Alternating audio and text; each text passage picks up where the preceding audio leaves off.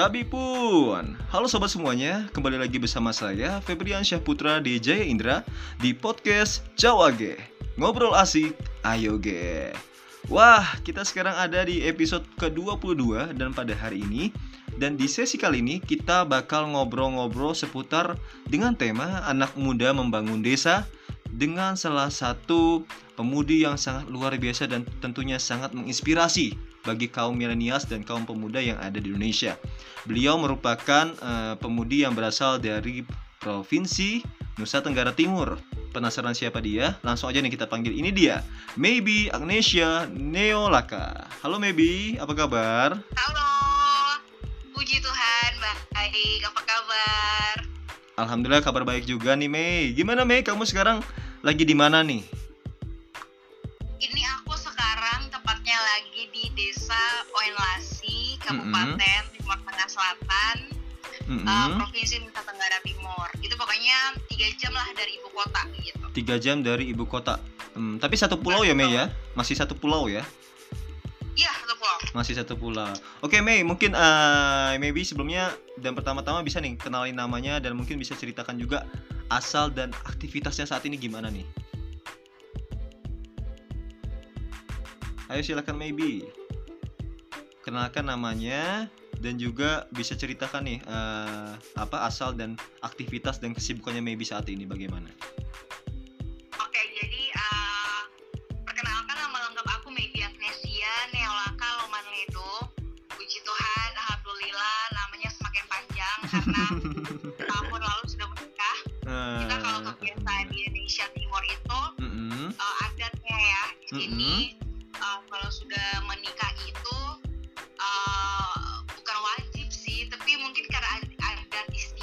iya. adat ya jadi uh, bisa mungkin membawa nama suami gitu jadi mm -hmm. mungkin kalau aku sih ngelihatnya biar aku mau punya suami gitu biar nggak mm -hmm. oh gitu ya ya ya ya nggak mau bercanda gitu kan iya iya iya ya udahlah gitu kan terus gimana maybe karena nama aku udah panjang uh -uh. harus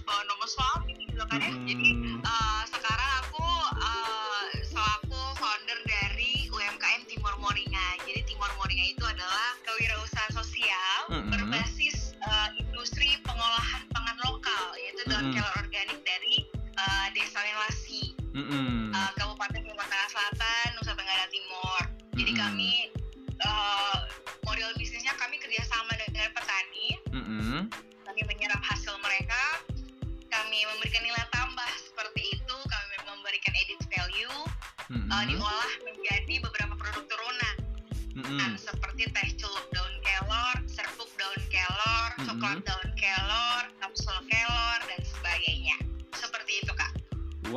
Wow, kayaknya keren banget nih produknya ya. Uh, apalagi produk dari olahan daun kelor merupakan dari produksi juga dari tanah NTT yang diproduksi juga oleh masyarakat. NTT dan di uh, foundernya nih asli juga dari NTT wah maybe. Nah kita bicara tentang UMKM nih maybe ya tentang Timor Moringa. Sebelum kita masuk ke pertanyaan selanjutnya, mungkin uh, maybe bisa ceritakan nih ke teman-teman apa sih itu sosial uh, usaha ataupun social planner menurut maybe. Oke jadi social planner atau pengusaha sosial di mana si pelaku dari usaha ini dia tidak berorientasi kepada uh, keuntungan semata untuk perusahaannya gitu, mm -hmm. tapi lebih kepada juga uh, uh, bagaimana sehingga perusahaannya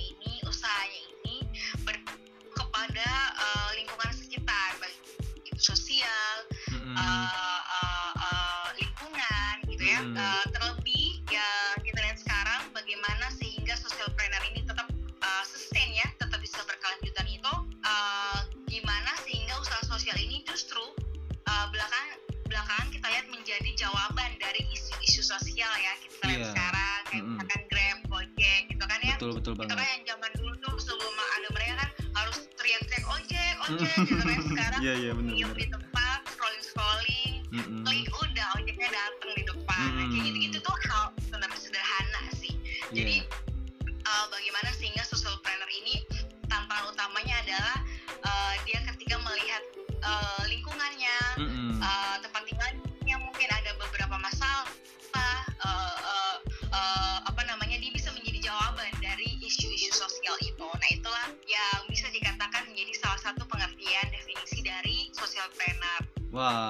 banget ya Maya. Jadi uh, Timor Moringa ini merupakan sebuah sosial usaha yang bukan hanya bukan tolak ukurnya yang utama adalah mencari keuntungan perusahaan, tapi lebih tepatnya adalah mengatasi permasalahan di suatu daerah atau di daerah maybe khususnya dan membantu dan memberikan impact yang bermanfaat untuk masyarakat sekitar ya Mei ya.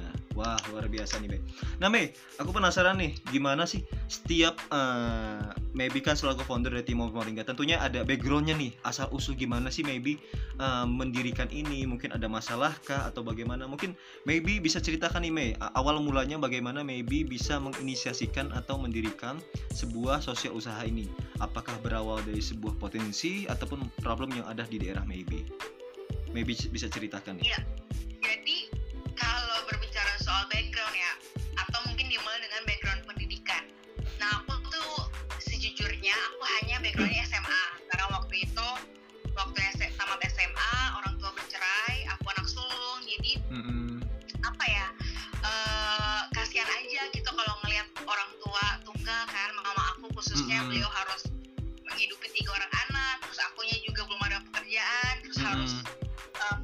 beliau untuk biayain aku kuliah kan aku juga nggak tega gitu kan akhirnya aku mau memutuskan aku kerja dulu gitu kan ya yeah, yeah. kerja kerja kerja kerja nah di situ tuh titik balik aku bukan titik balik gimana sih tapi di situ aku akhirnya menemukan potensi jiwa berdagang aku mm -hmm. aku gitu kan mm -hmm.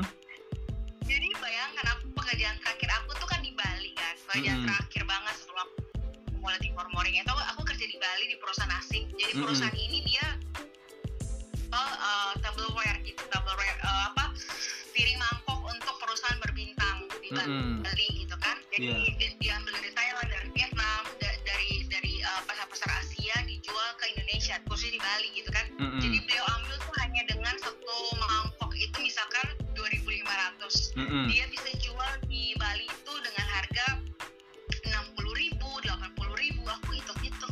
wah, untung banget dia gitu kan mm -hmm. ya nah aku sebagai uh, staffnya tuh ternyata ada yang namanya kan membership card gitu kan yeah, uh, jadi yang dapat member yang punya kartu member ini kalau dia belanja uh, uh, minimal di atas satu uh, juta itu dia bisa dapat dapat porting sekitar 30 sampai 35 persen.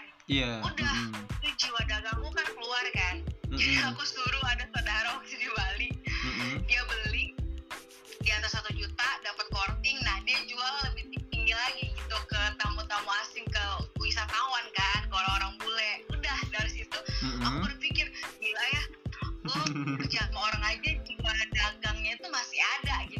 jadi dari situ dia uh, uh,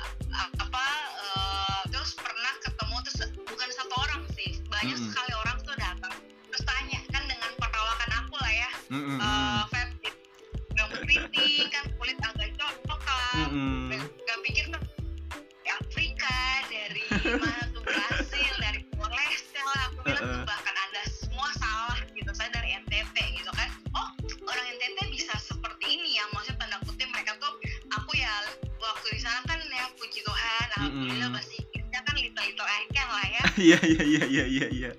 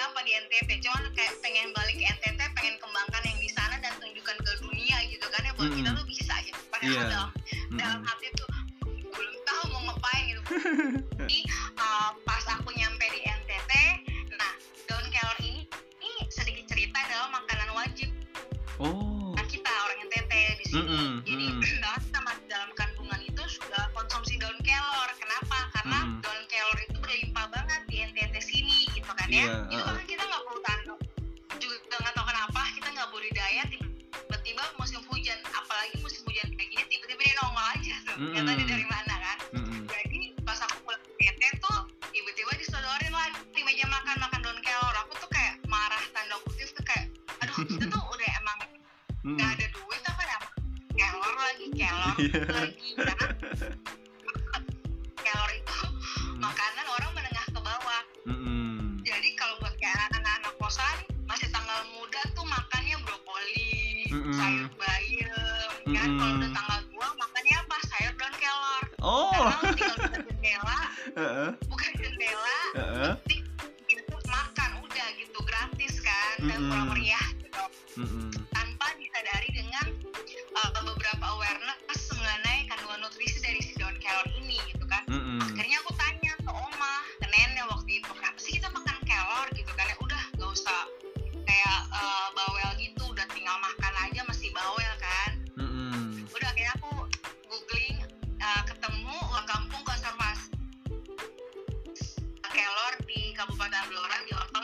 Yeah.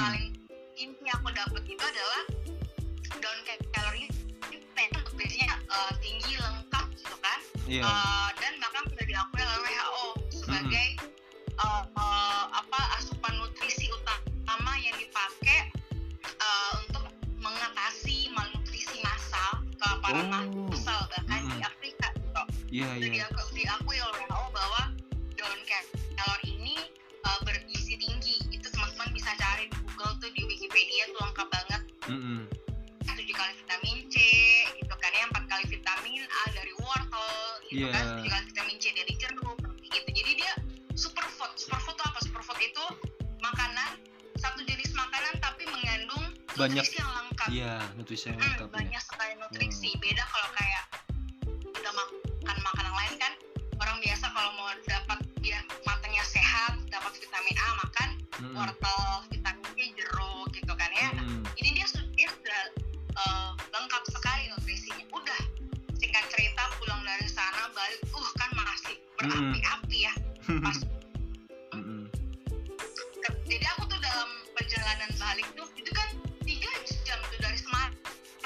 yeah. 3 jam dari Semarang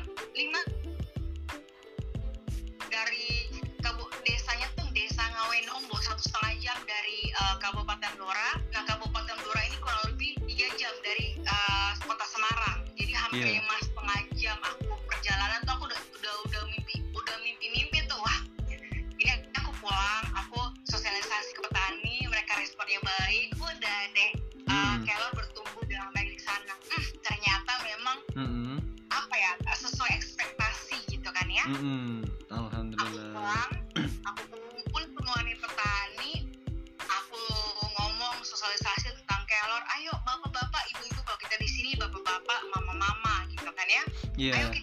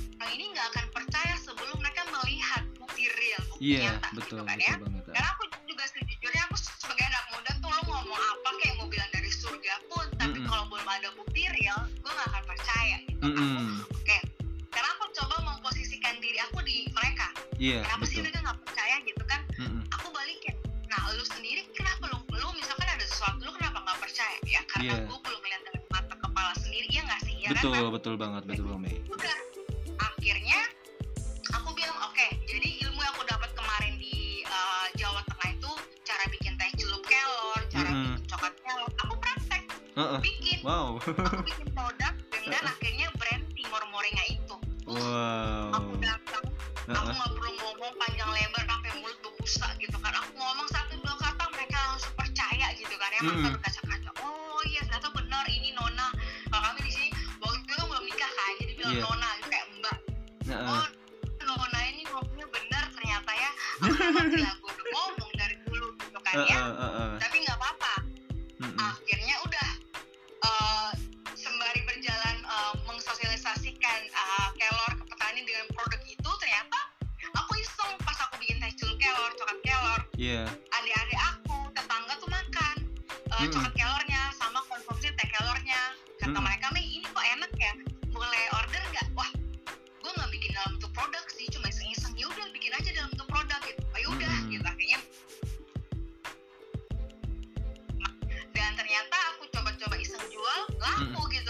pas aku mulai mm. berbarengan dengan gubernur terpilih waktu itu program, program utamanya tuh kelor iya yeah. 2018 waktu mm. aku mulai dia terpilih cocok lah beliau membawa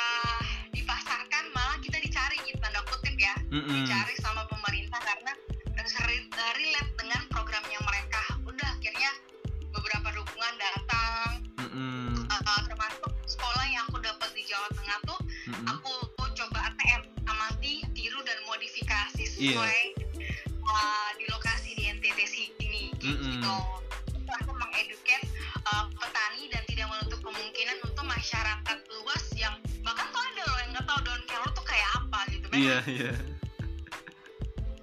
Dunia tak selebar daun kelor karena memang daunnya kecil kan. Iya tak selebar daun kelor. Masih ada loh orang yang uh, uh, iya, iya. daun kelor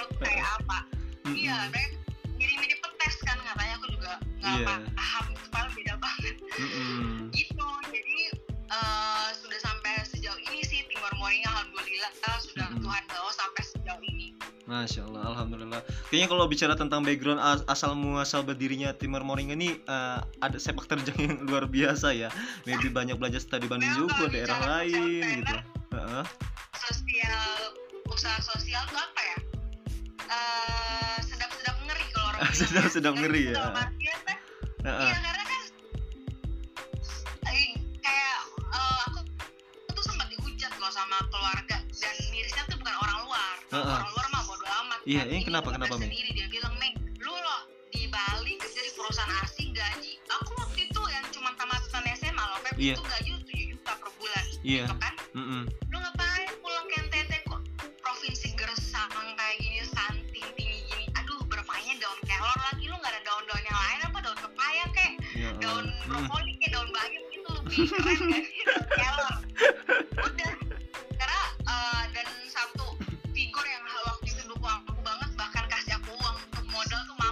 Mm-mm.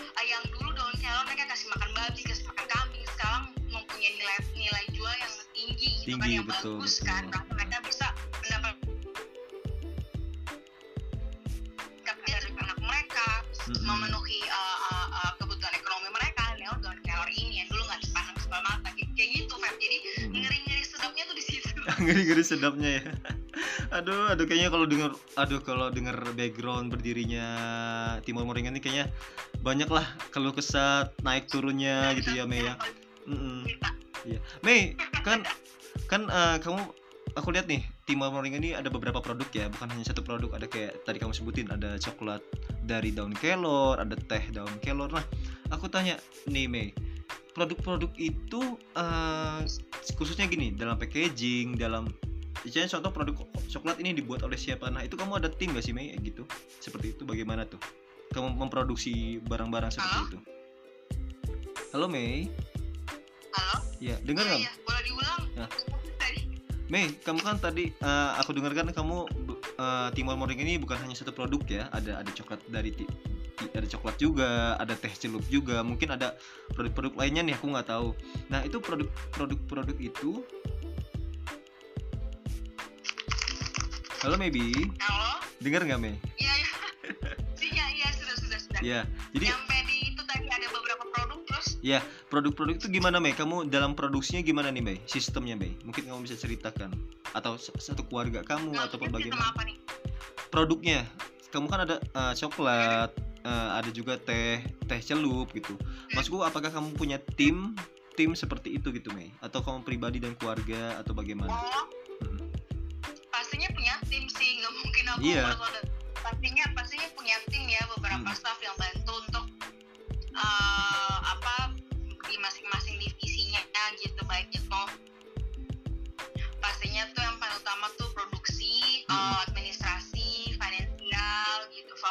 eh, sorry finance kemudian digital marketing dan sebagainya Mm-mm. Mei kira-kira Timur Moringa nih ya menurut maybe apa sih kelebihan dan atau keunikan dari Timur Timur Moringa dibandingkan uh, usaha-usaha lainnya Mei?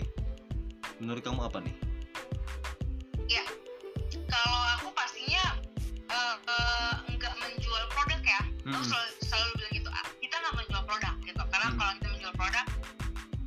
sama dengan yang lain tapi kita menjual nutrisi Iya. Yang ada dalam produk gitu. karena Mm-mm.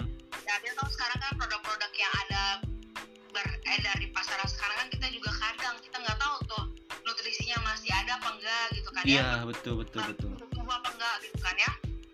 Iya. Nah kami di sini menjual nutrisi karena dengan beberapa teknologi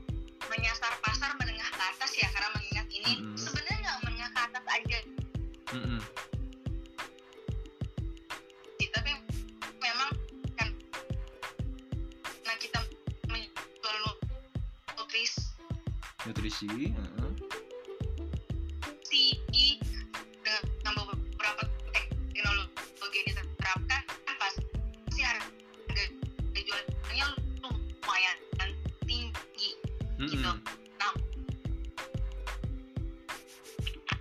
halo maybe. Ya. ya ya. Maaf. Mm. sudah sudah. Tadi agak putus-putus sebentar tapi nggak apa-apa. Eh, nggak tidak usah tidak usah Mei udah udah cukup kok. Mei oh, eh, iya, oke. eh, Timor Moringa ini kan eh, tentunya oh iya Mei aku belum tahu nih. Kira-kira sampai sekarang udah berapa tahun nih Mei Timor Moringa ini berdiri Mei kita dari 2018 jadi sudah mau 2018. masuk 4 tahun sudah mau masuk? 4 tahun. Empat tahun ya Masya Allah.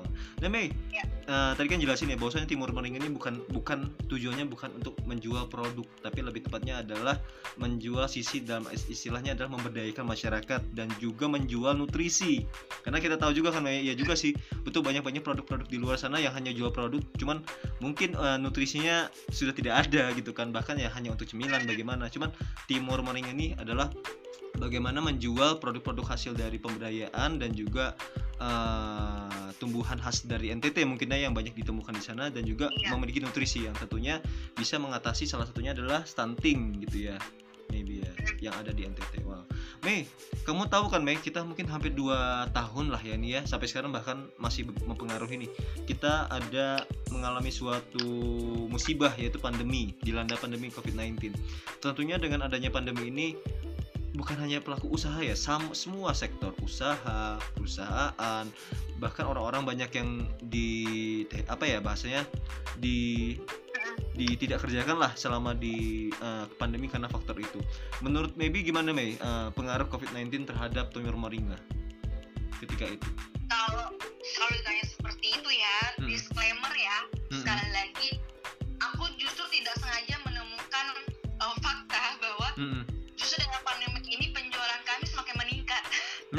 ini kan uh, apa nutrisinya tinggi ya yeah. yang otomatisnya akan meningkatkan daya tahan tubuh jadi banyak dicari orang gitu oh. jadi aku mau bilang gimana ya mm. mau dibilang bersyukur juga uh, bersyukur tapi kayak so kesannya kayak bersyukur di atas penderitaan orang lain iya iya iya iya iya, iya. Makanya aku bilang ini apa ya berkah yang mm -mm. dalam yang aku temukan yang secara tidak sengaja gitu mm tapi aku berpikir gini. Uh, berkah ini kan kalau aku tuh apa ya selalu menganut uh, prinsip bahwa mm -hmm. selalu akan ada pelangi habis hujan kan yeah. selalu akan ada berkah di balik setiap masalah yang kita hadapi mm -hmm. mungkin ya mungkin mm -hmm. keadaan tidak berubah tapi kitanya berubah at least kita sendiri berubah yeah, apa yang berubah betul. cara kita memandang sesuatu cara pandang kita mindset kita yeah. cara berpikir yeah, malah betul. variannya makin banyak makin banyak betul banget. omikron ntar apalagi nggak tahu gitu kan ya. Tapi kita menjadi dulu tuh misalkan ini contoh kecil aja. Dulu termasuk aku juga makan asal-asalan gitu kan ya. Begadang tuh sampai jam 3 pagi 4 pagi. Bodoh besok bangun jam 7 lagi tidur cuma 3 4 jamnya nggak uh, uh, iya. juga pasti kan makan betul, sembarang. betul, betul. tapi sekarang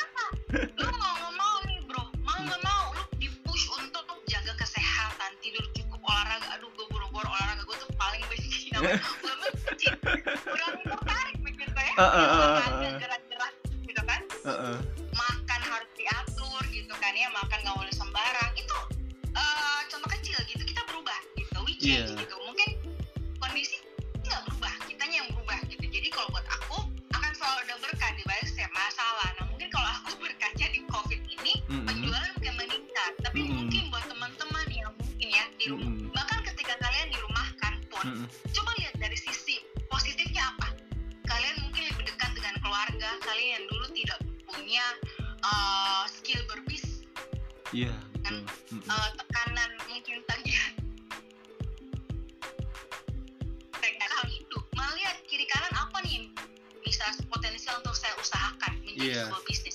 betul betul banget nih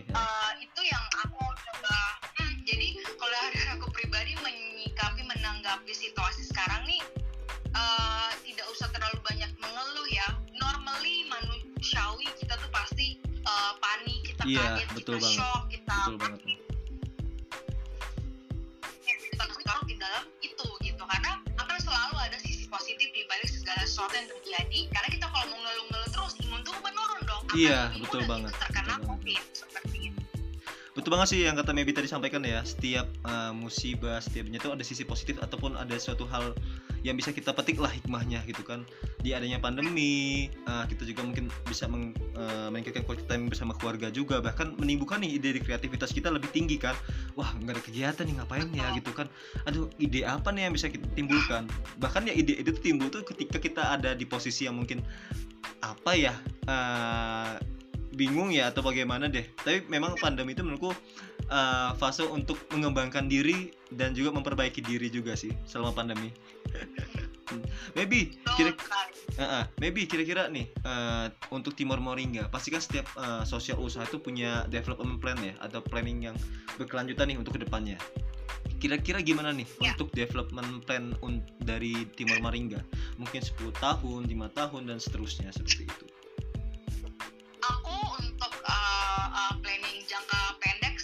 iya iya ini kan udah akhir tahun ya jadi hmm. aja udah tahun depan lah aku sih planning tahun depan sudah mengincar pasar ekspor karena mengingat uh, uh, apa ya uh, rempah-rempah gitu ya spice uh, spices mm -hmm. seperti rempah-rempah kunyit yeah. mm -hmm. itu moringa itu jahe banyak banget dicari di pasar Eropa iya, Amerika betul banget betul banget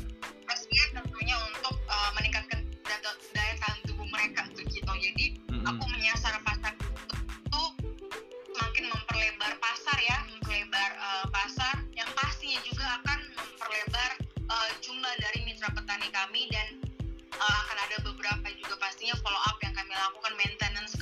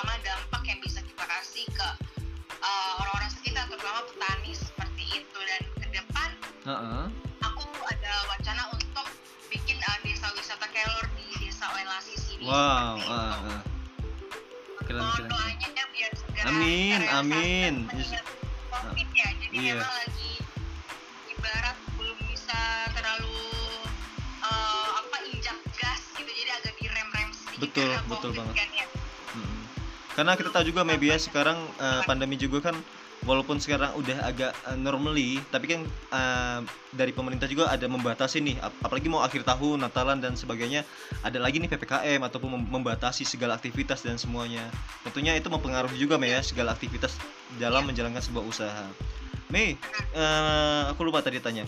Uh, mengenai tentang pemuda-pemudi nih di NTT menurut kamu gimana sih uh, menurut pandangan kamu uh, sudut pandang kamu tentang kontribusi pemuda-pemudi di NTT itu seperti apa? Antusiasnya? Kontribusi dalam hal apa nih?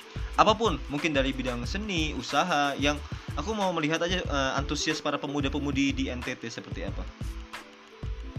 Oke jadi kalau aku sepengetahuan aku aja ya yeah, yeah. kontribusi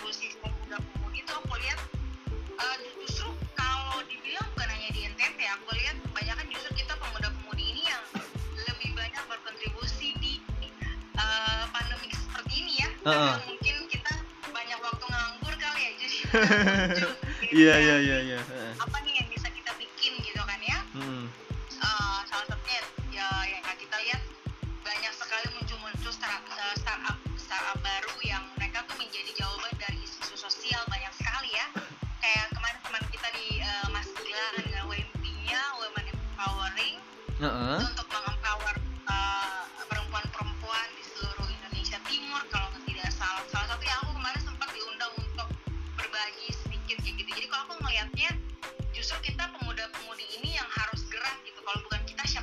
betul orang betul banget orang tua kan apalagi orang tua kan ya eh, di situasi pandemi seperti ini sangat tidak dianjur, dianjurkan keluar rumah untuk beraktivitas mereka ya, uh. di rumah aja gitu karena mereka yang rentan untuk kena covid nah aku lihat sih uh, kalau di pemuda-pemudi NTT sini aku lihat sih kita sudah intinya mungkin kalau kita banding-bandingin mungkin tidak sama dengan di Pulau Jawa di Pulau yeah. Sumatera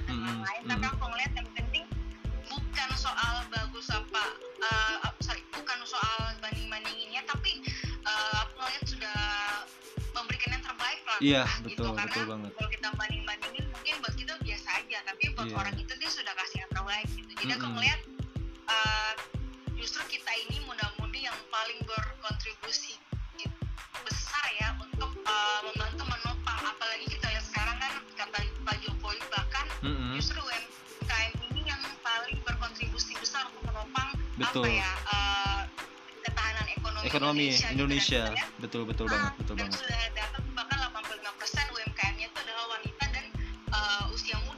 gitu sama kayak aku lihat. Mm-mm. Jadi kita aku lihat bagaimana kita tuh berkontribusi untuk kita tidak berjalan sendiri gitu kan ya kita saling uh, kerjasama melihat potensi-potensi yang ada untuk uh, itu tadi bertahan iya di Indonesia seperti itu. Mm-mm. Masya Allah. betul banget nih Maybe yang kata tadi Maybe Ya, intinya eh, aku pernah dengar juga sih May eh, ada ada kata ya atau kalimat every step matters selangkah lebih berarti ataupun segala sesuatu hal kecil itu pasti ada manfaatnya jadi walaupun eh, apa pun yang pemuda lakukan selagi dia melakukan yang terbaik dan berkontribusi walaupun sekecil apa pun itu paling ber- bermanfaat dibandingkan tidak sama sekali betul nggak Mei Betul. betul banget betul, Mei. betul banget. Nah, maybe nih kan aku tahu kan sebagai founder. Nah, kalau dengan kata founder itu tentunya identik dengan leader, seorang leader atau CEO, chief eh, executive officer, bukan eksekutif kayaknya deh. Bukan eksekutif, lebih tepatnya chief everything officer. Jadi segalanya.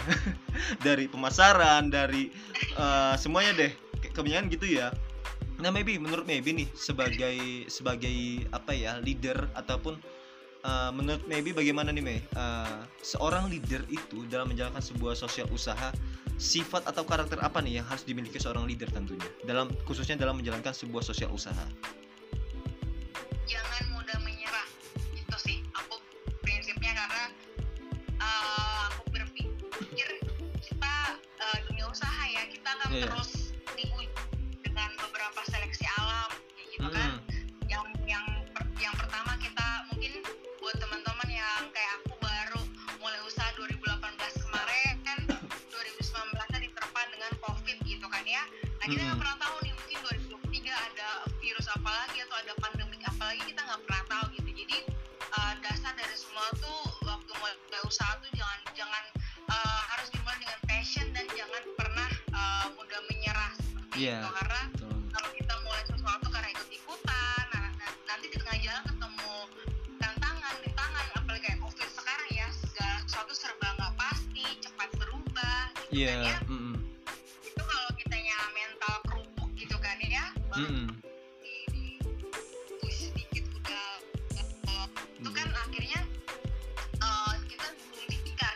Iya, ke closing statement ya. Aku ada pertanyaan secret question nih untuk kamu. Tadi kan aku dengar-dengar juga nih ya, kamu cerita tentang pekerjaanmu dan bla bla bla. Nah, kalau andaikan kamu disuruh pilih antara dua pilihan ini dan berikan alasannya, kamu akan memilih menjadi seorang pegawai atau staf di perusahaan asing yang gajinya besar atau menjadi pelaku usaha usaha sendiri yang tentunya kamu tahu kan seorang pelaku usaha itu kadang gajinya tinggi, kadang ada di bawah dan istilahnya adalah rezeki macan seperti itu. Kamu akan memilih yang mana nih?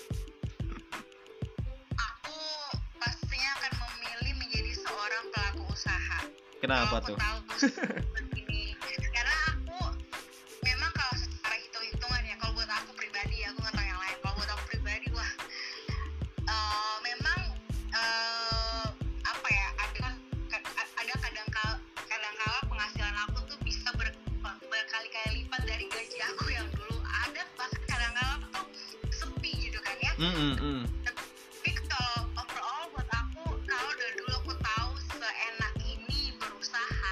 berusaha gitu kan Iya. aku akan tetap lebih untuk menjadi pengusaha gitu karena Mm. sebenarnya bukan masalah gaji juga ya bukan masalah gaji itu Iya. penting karena aku nggak nggak naif aku juga manusia Iya, uang betul banget. hidup gitu kan ya Mm. bukan aku hidup untuk uang tapi aku juga aku butuh uang untuk bertahan hidup gitu tapi Betul, betul. lebih daripada itu aku uh, yang paling utama tuh aku bisa ketemu suami aku yang sekarang Masya Allah, uh, asik. sekarang kalau aku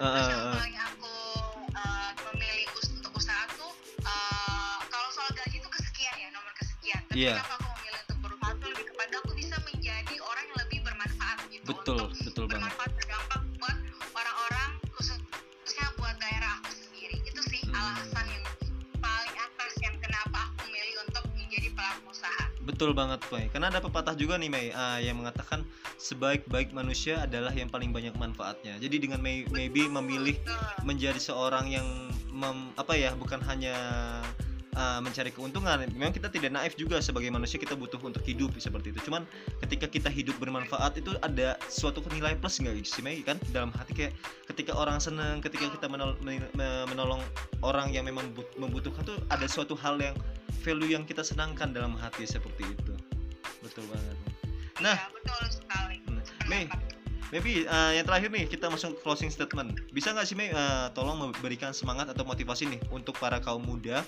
khususnya dalam membangun kampung halamannya uh, atau di daerah tercintanya nih, khususnya melalui usaha usaha. Nah. Oke. Okay. Uh -uh. Ini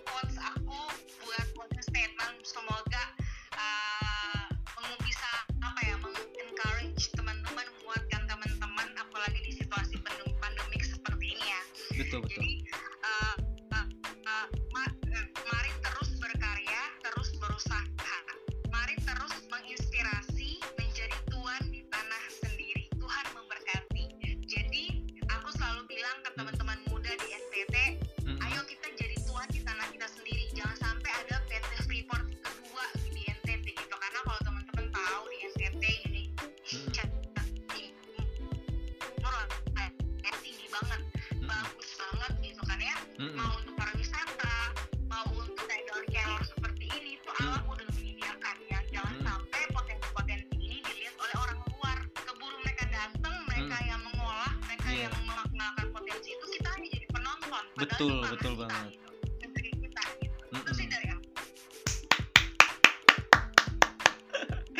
banget nih betul banget betul banget yang disampaikan Maybe berisi banget karena kita tahu juga Mei ya kita tahu Indonesia ini negara yang kaya banget akan sumber daya alam, sumber daya sektor pariwisatanya semuanya. Tapi nggak dipungkiri juga banyak juga segala sektor itu yang bahkan sudah dikuasai oleh asing.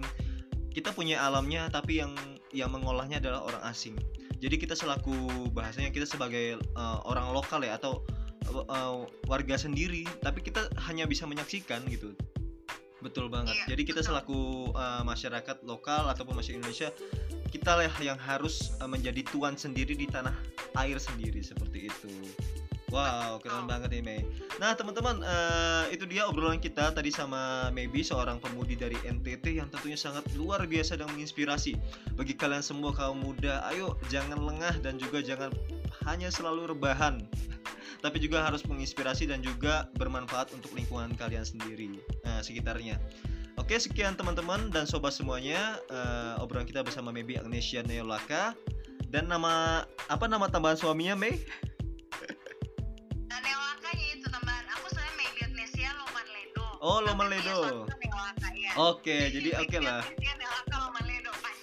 Iya, panjang ya, empat empat kayak kereta ya. Kalau ujian nasional tuh kayaknya nggak cukup gitu.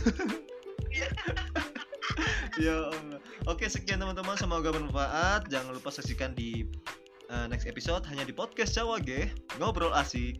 Ayo G